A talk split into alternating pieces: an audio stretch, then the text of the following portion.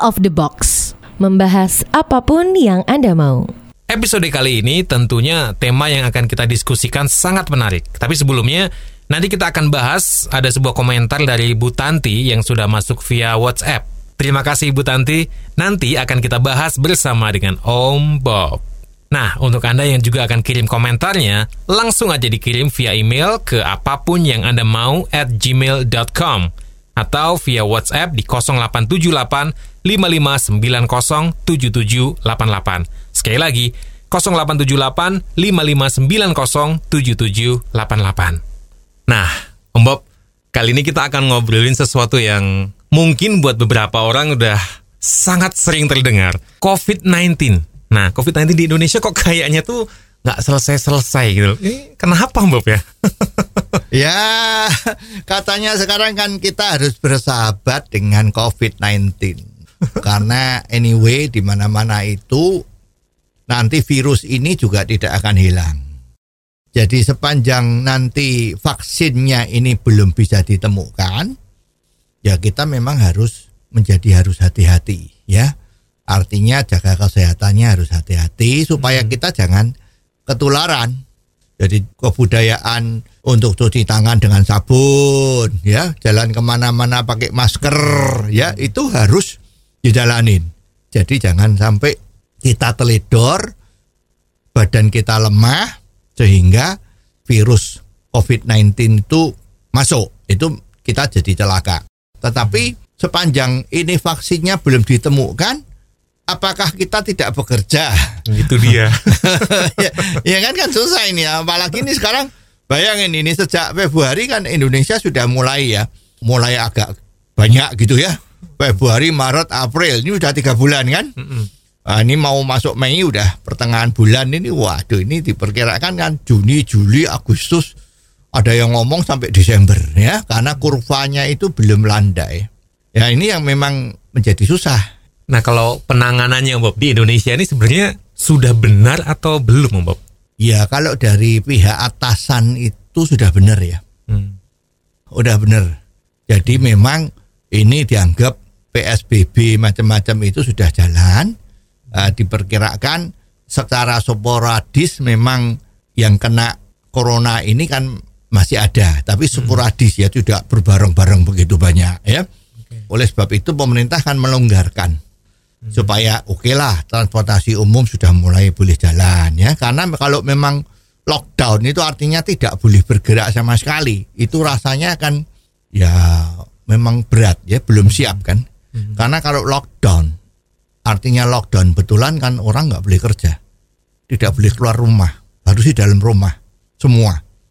Bayangin, ya Indonesia yang luasnya segini gimana, ya? Dan pemerintah belum siap. Artinya belum siap itu begitu you berani lockdown, itu pemerintah bertanggung jawab. Hmm. Harus memberi makan sama orang yang di rumah itu ini nggak cuman uangnya mungkin bisa lah ya masih ada tuh pemerintah ya. Tetapi sarananya gimana? Infrastrukturnya gimana yang ngatur? Ini kesulitan besar. Jadi memang untuk menghindari virus COVID-19 ini memang diperlukan musuhnya itu adalah kita sendiri. Hmm. ya, kita mau nggak menghindari virus ini? Caranya ya tadi jaga kebersihan uh, physical distancing harus jalan, ya. Jadi harus makannya sehat, buah-buahan, sayur-sayuran, berjemur matahari. Ya itu kita berani nggak melakukan hal-hal seperti itu. Tapi kalau kayak kemarin sudah ada beberapa moda transportasi yang sudah mulai dibuka, justru malah banyak orang di situ gitu.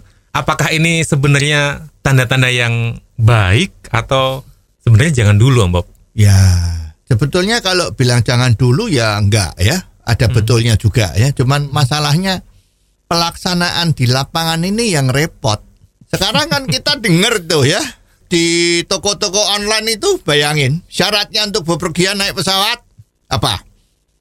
Ya dia punya surat tugas. Surat tugas. Nah, katanya surat tugas itu bisa dicari. Iya, tujuh puluh ribu, Bob. Terus harus ada keterangan sehat bebas Corvette, ya kan? Bagaimana?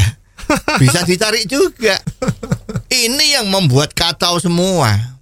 Terus setelah itu bahwa pesawat terbang itu harusnya kapasitasnya dikurangi jadi separuh. Mm-mm. Ternyata tidak. Ya, jadi physical distancing itu tetap jalan. Dan kita kalau lihat di airport itu uyel-uyelan. Wah, ini gimana? Jadi sebetulnya itu politik dari pusat, dari pimpinan atas itu sudah betul. Cuman di lapangannya itu bos-bos lapangannya ini yang nggak beres. Terus terang ini orang-orang kita itu nggak bisa melawan dirinya sendiri dan tidak disiplin. Beda dengan di Jepang misalnya. Mhm. Ya, mereka sadar sekali sehingga lebih cepat. Tapi itu memang pure berdasar atas kesadaran masyarakat atau sebenarnya ada cara lain Om Bob ya? Ya, memang kesadaran masyarakat itu kan kalau tidak ada konsekuensinya, ya seenaknya sendiri. Enggak muncul. Ya, kita lihat kemarin PSBB ya ada yang naik sepeda motor berduaan marah dicegat karena bukan dari satu lingkungan kan tidak boleh itu aturannya. Ya supaya betul-betul oh, aman ya. Tapi marah. Terus ada yang naik mobil suami istri berdampingan ya. Eh, marah juga. Loh ini istri saya kok nggak boleh duduk di samping saya? Padahal di rumah juga satu rumah gitu ya. Nah, ini makanya ini jadi ini semua kan tidak disiplin ya.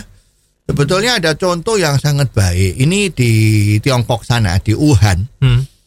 Itu kemarin kan sudah dinyatakan selesai urusannya. Kehidupan sebelah seperti semula. Eh, Restoran sudah buka, bar sudah buka, supermarket sudah buka, mall sudah mulai buka ya. Tetapi belakangan ada lagi yang terjangkit kena Di Wuhan. Iya, di Wuhan ada juga yang kena. Oh. Ini belakangan ini. Ya ada dua orang. Itu orangnya udah gede. Ya artinya gede itu udah Dewasa. tua. yang satu umur 80, yang satu umur 84. Oke. Ya, ternyata mereka tinggalnya di daerah ya kalau kita ngomong itu daerahnya bukan di kota persis tetapi agak pinggiran yang agak daerahnya agak kumuh-kumuh gitu, agak Oh. kotor lah ya. Itu dia kejangkit lagi. Apa yang dilakukan oleh pemerintah setempat? Ya ini kan tetap harus dikarantina dan dimasukkan di rumah sakit. Mhm. Tetapi camatnya dan pejabat-pejabat aparat di daerah itu dipecat semua. Oh ya? Iya. Karena standarnya sana Wow. orang kalau keluar rumah harus pakai masker. Oh. Dua orang yang kena tadi itu dia tidak pakai masker.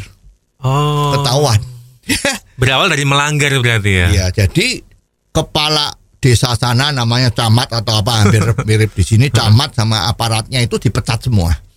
Gak bisa apa-apa. Tapi kalau di Indonesia apa bisa mecat bupati? ya kalau nekat ngawur ya artinya di sini itu bukan ngawur tetapi kalau ada yang pekerjaannya lolos misalnya satu kota dinyatakan PSBB kan berarti kan orangnya harus sesuai dengan protokol Protokol. kesehatan tadi itu ya. Tapi kok ternyata banyak yang melanggar. Lah itu kalau di Tiongkok sana kan langsung pejabat yang bersangkutan dipecat. Kalau di sini kan enggak. Ya jadi seenaknya. Nggak apa-apa lah ini namanya manusiawi lah ini. Jadi tidak ada disiplin tidak ada penegakan hukum yang tepat sehingga terjadilah masalah COVID-19 ini yang berlarut-larut sekarang semua orang kan sudah pada bingung sudah bosan di rumah Iya.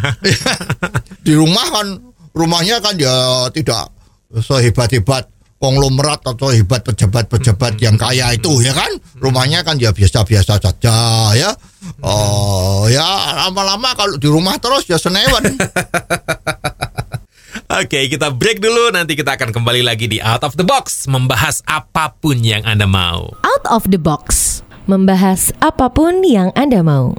Nah, sebelum kita lanjut, jangan lupa kita tunggu komentar Anda via email di apa pun yang Anda mau at gmail.com atau WhatsApp di 0878 5590 7788.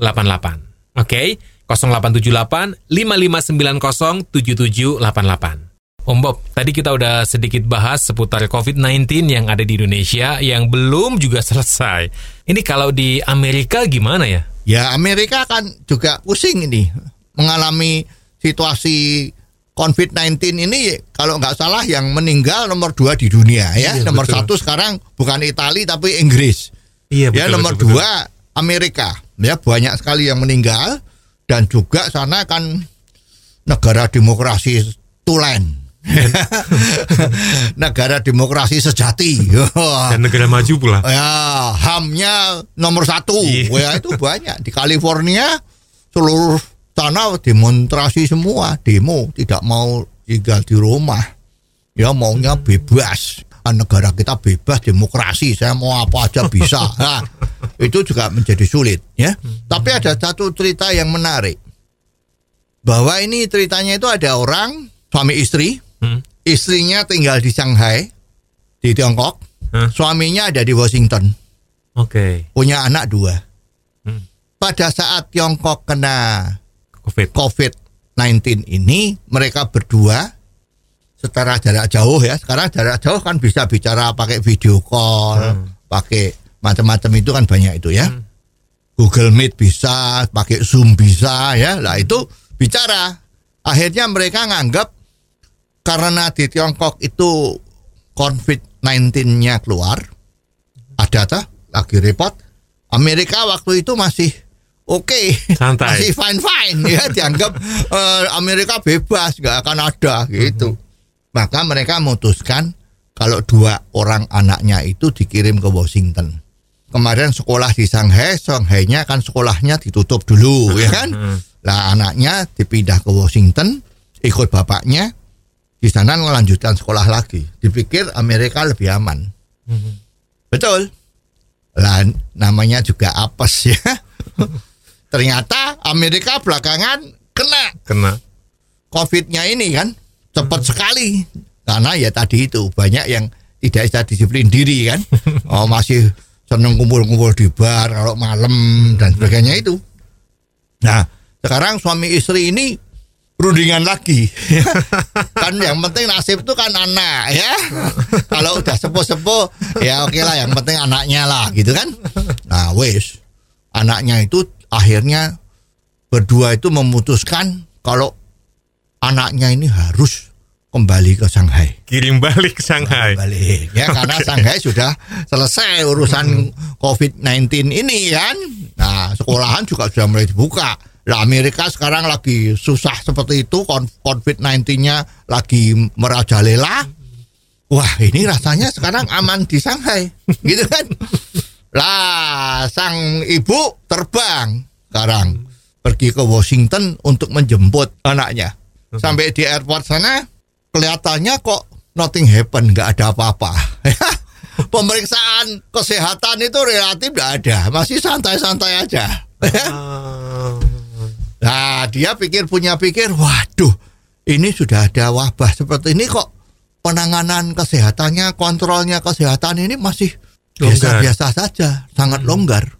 Nah, terus dalam tempo tidak lebih dari 36 jam, dia langsung udah kembali ke Shanghai, dua anaknya tuh dibawa. Ah, Bapaknya tetap tinggal di sana karena dia kerja di sana ya. Oke. Nah, ini ceritanya mulai seru. Ya, Oke. kita coba mikir ini. Begitu dia darat di Shanghai, dia terasa betapa bedanya tingkat kehati-hatian sebuah negara di dalam menghadapi COVID-19 ini. Dia bersama anaknya itu harus menunggu di dalam pesawat. Itu dua jam. Ada petugas kesehatannya yang datang naik, ditanyain, kamu kemarin di mana, kemarin ke mana, sejarah kesehatannya gimana, suhunya berapa, macam-macam. Terus kamu nanti di Shanghai mau tinggal di mana, ya kan? Semua ditanyain semua. Udah dua jam semua penumpang ditanyain itu baru boleh turun. Ah, setelah turun itu dicek eh, kesehatannya ya, bagaimana dicek lagi ya, Cek harus lagi. antri lagi, imigrasinya dicek, semua dicek itu memerlukan waktu yang sangat teliti. Terus terakhir dia dilakukan yang namanya swab test ya Oke. tes kesehatan apakah ini ada virus COVID-19-nya atau tidak. Pada saat dia berangkat turun itu kan pakai bis. Itu bisnya sudah ditentukan. Tempat duduk nomor berapa, tempat duduk nomor berapa sampai berapa bisnya nomor satu, yang nomor sekian sekian sekian, sekian bisnya nomor dua, ya nomor tiga diatur semua, udahan ya, dan tidak boleh pindah-pindah. Oke. Betul-betul diawasi semua. Petugas-petugasnya yang datang itu semua pakai baju astronot. Ah. Jadi betul-betul Iya, iya, ini iya. very serius. Ah itu setelah diperiksa-periksa masih ada satu hal lagi. Apa itu? Jadi handphone dia harus diinstal aplikasi untuk memantau kesehatan dia.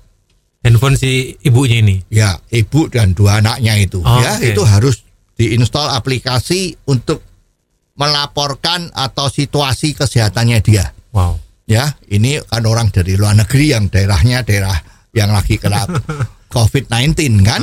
Oke. Setelah itu dia duduk menunggu hasil swab. Swab testnya itu kan diperlukan waktu kira-kira 3 sampai 4 jam baru tahu. Berarti masih di bandara itu ya? Masih di bandara. Ya, pada saat pemeriksaan ini udah keluar dari bandara dekat bandara itu ada lapangan, ada gedung olahraga yang dijadikan pusat untuk melakukan swab test. Nah, pada saat menunggu itu ya servisnya bagus ya. Dikasih makan roti, ya, dikasih susu import. Ini orang dari orang asing Amerika kan minumnya susu kan mestinya susu yang Qualified ya? qualified ya dari luar negeri lah ya. Sesuai dengan kebiasaannya. Ya, udah puas sekali. Eh, setelah dilakukan swab test itu kan bareng-bareng tuh penumpangnya ada 100 lebih itu ya, 200-an. Itu semua ya artinya ya, deg-degan. ini Iya kalau dong, kalau positif gimana gitu ya. Wah, ini luar biasanya itu. Ternyata semua penumpang dinyatakan negatif. Ah. Luar biasa. Wow. Nah sekarang negatif kan bukan berarti tidak membawa virus. Mhm. Karena ini masih punya masa inkubasinya itu 14 hari kan. Jadi mereka diwajibkan untuk melakukan isolasi. Nah ya, Ah. setelah itu isolasi. Ditanyain, kamu tinggalnya di mana? Saya tinggal di apartemen daerah tertentu sana. Hmm. Ya, kamu boleh tinggal di apartemen sepanjang orang-orang di apartemen sana tidak keberatan kalau you tinggal di sana.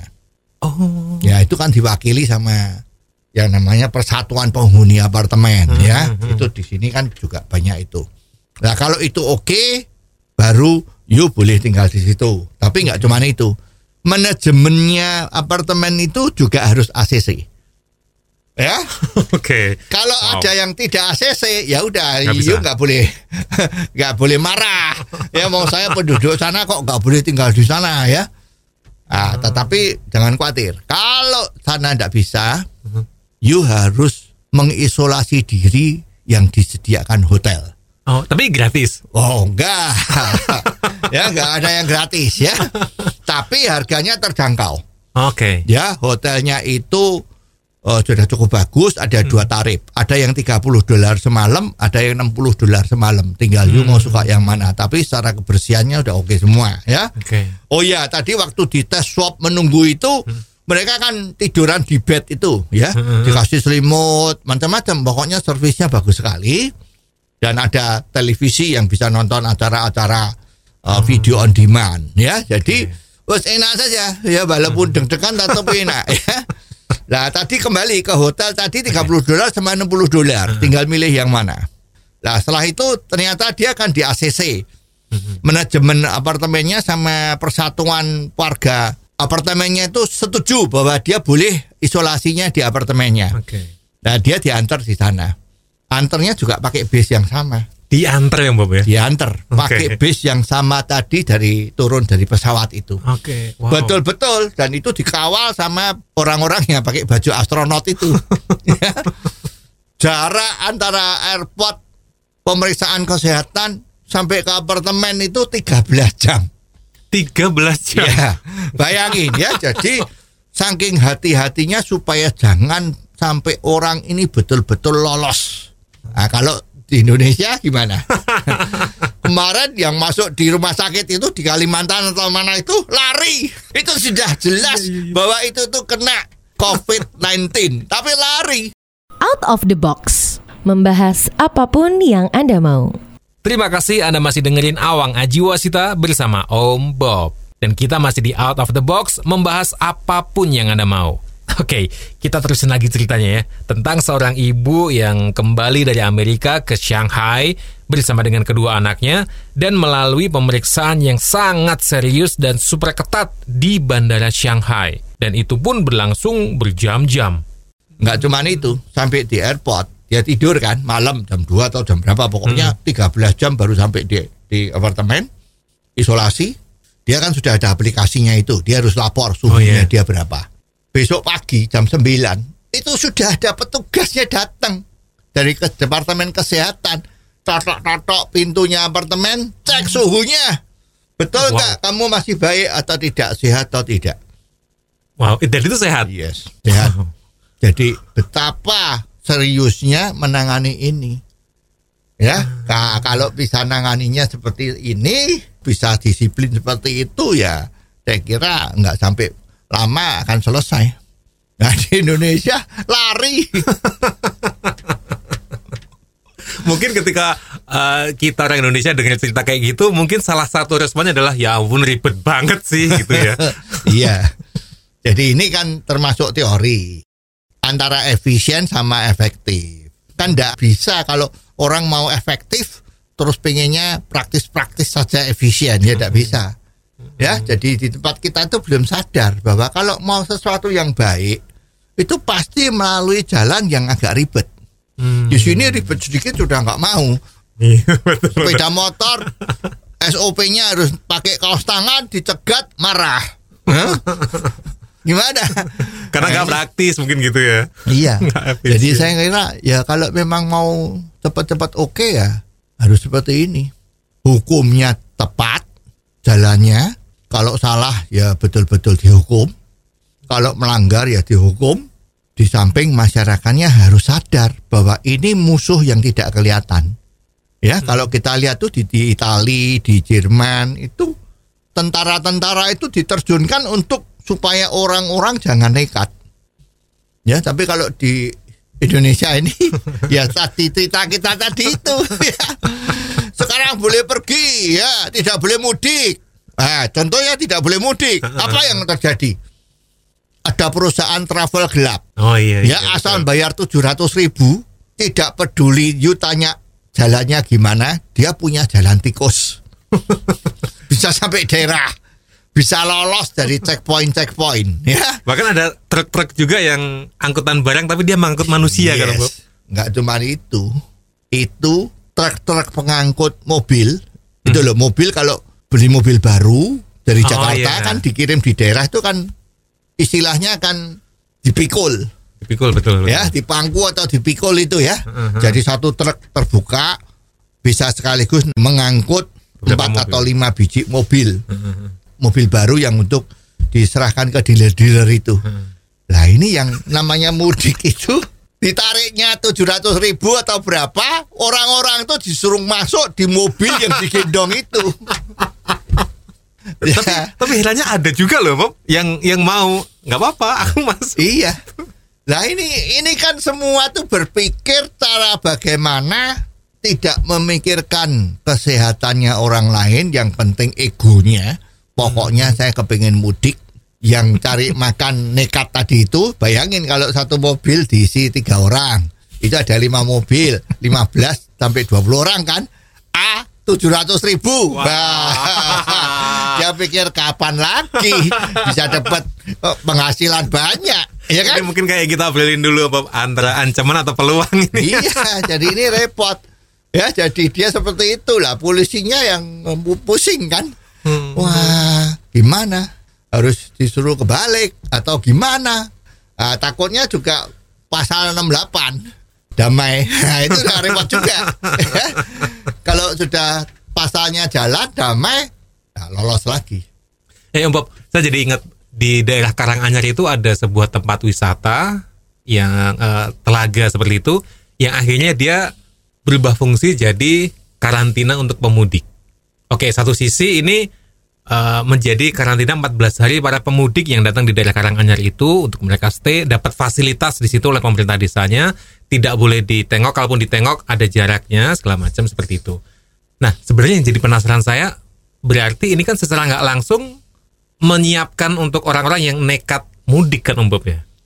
Ya kita nggak ngerti maksudnya apa. Tapi kalau yang namanya karantina, mestinya kalau 14 hari itu ya tidak boleh ditengok. Hmm. Oh udah, kalau emang karantina ya karantina, jangan setengah karantina. Ini karantina plus. karantina plus. Paling suka kan begitu, karantina plus. Karantina Artinya plus. karantina tapi boleh ditengok. Nah itu nggak ah. boleh, yang nengok itu jangan jangan jangan bawa virus. Ah. Ya walaupun jaga jarak. Tapi kalau udah karantina tuh nggak boleh ketemu sama orang yakin 14 hari kemudian dia bebas. Out of the box, membahas apa pun yang Anda mau. Selamat datang kembali di Out of the Box, membahas apa pun yang Anda mau. Awang Aji Wasita bersama Om Bob. Seperti yang sudah kita sampaikan tadi, kalau kita akan membahas komentar yang masuk dari Bu Tanti. Nah, Bu Tanti sempat mengirimkan pesan suaranya. Kita dengerin dulu yuk. Nama saya Tanti. Saya itu kan pedagang online ya, pedagang musiman. Pas musim puasa menjelang lebaran itu saya selalu dapat orderan kue-kue kering dan sejenisnya lah.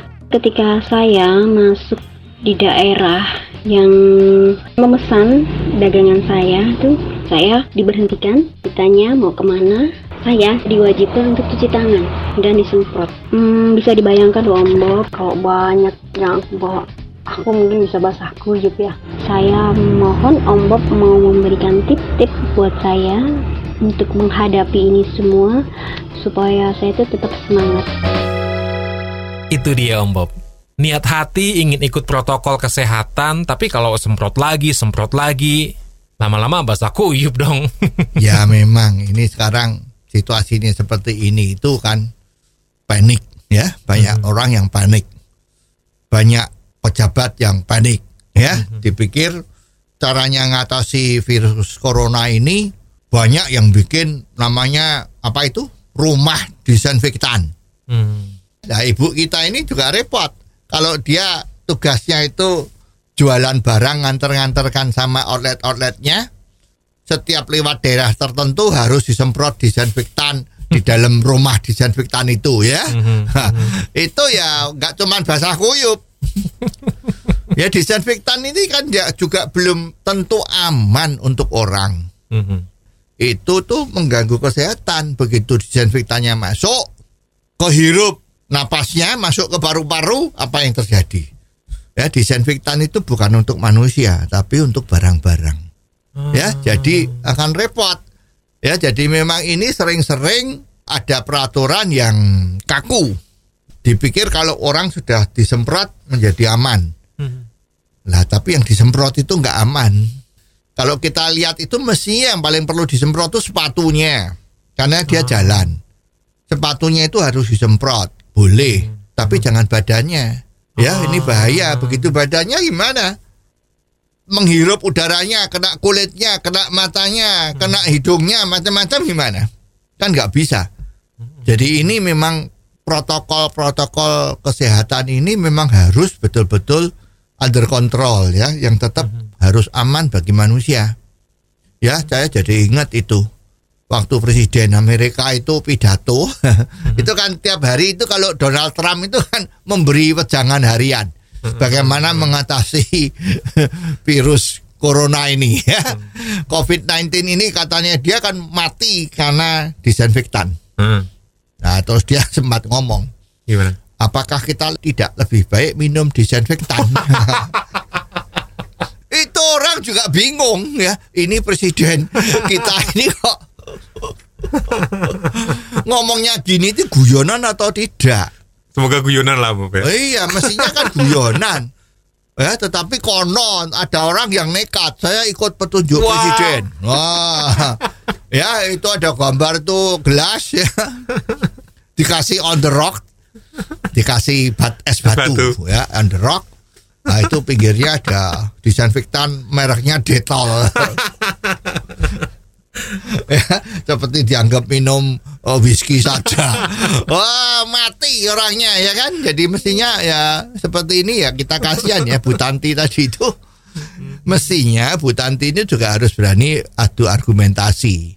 Jadi kalau begitu lewat daerah situ ya harus ngomong, maaf ini saya baru saja lewat dua menit yang lalu itu sudah disemprot, jangan disemprot Hmm. lagi. Saya keberatan nih nanti eh, saya nanti malah jadi sakit dan sebagainya. Jadi memang harus ada satu cute and cute perlawanan ya.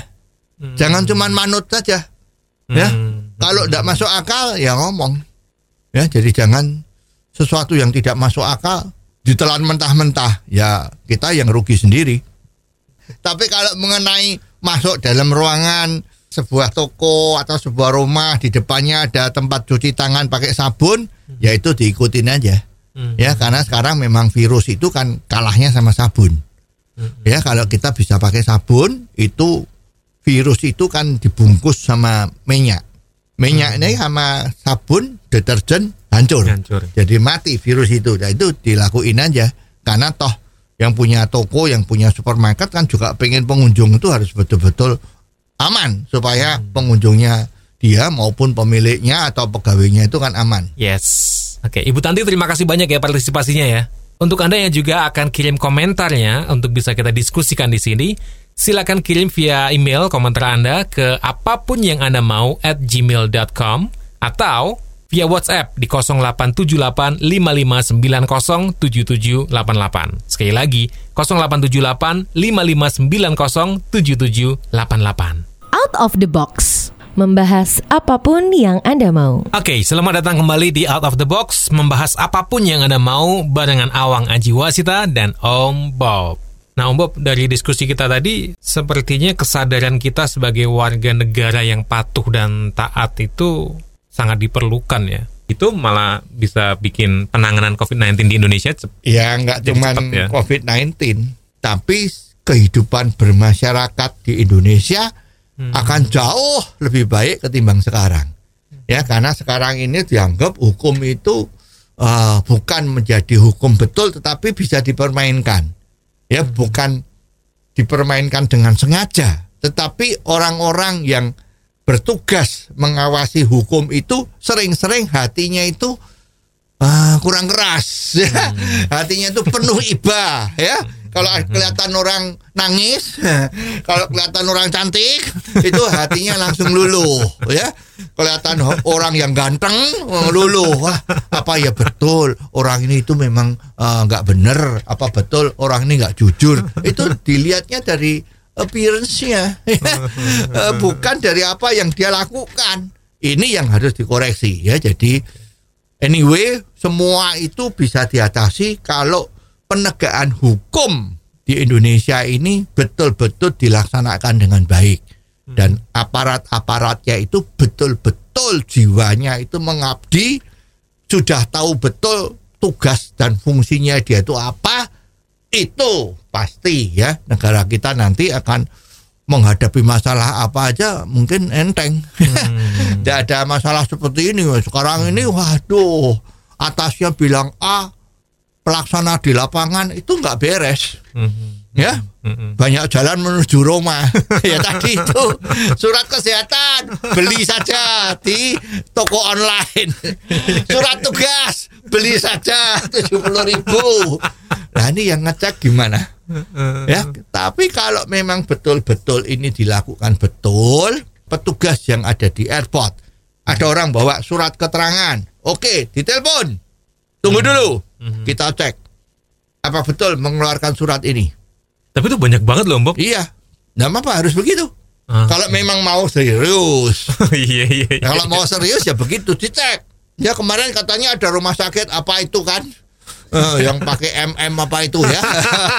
itu katanya ngeluarin dari itu. Tapi Iya, iya, iya. ini rumah sakit M tadi itu udah mengeluarkan statement kalau dia nggak pernah seperti itu.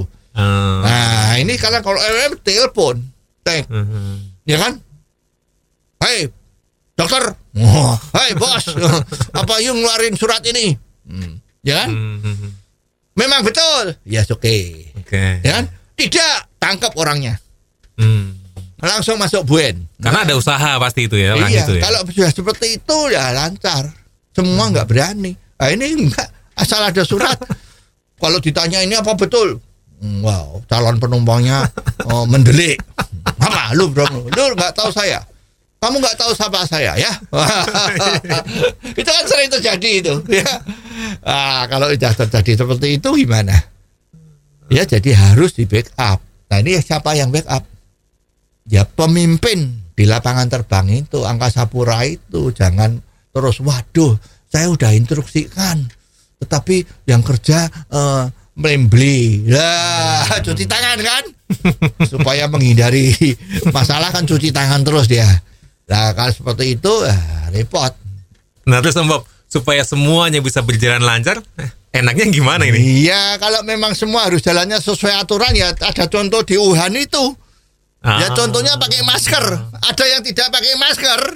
Ya wis, hukum. camatnya nanti dipecat. Nah Oh, ini iya. juga begitu. Kalau ada di airport sudah bawa seperti ini, ternyata terjadi pelanggaran-pelanggaran yang tidak bisa dikendaliin. Itu yang nggak becus itu siapa? Ya pemimpinnya toh. Nah, dipertanyakan, "Loh, kamu kerja apa? Makan emangnya makan gaji buta?" Hmm? Ya kan nggak beres itu. Kasihan. Pemimpin kita yang di atas tuh kasihan. Aturannya ada benar tapi di bawah nggak benar. Oke. Well, menarik sekali diskusi kita kali ini. Om Bob, terima kasih banyak. Kita akan ketemu lagi di episode selanjutnya. Dan kita masih tunggu komentar Anda. Silakan kirim via email apa pun yang Anda mau at gmail.com, itu alamatnya, atau via WhatsApp di 0878 5590 7788 ya. Sekali lagi 0878 5590 7788. Sampai ketemu lagi. Out of the box. Membahas apa pun yang Anda mau.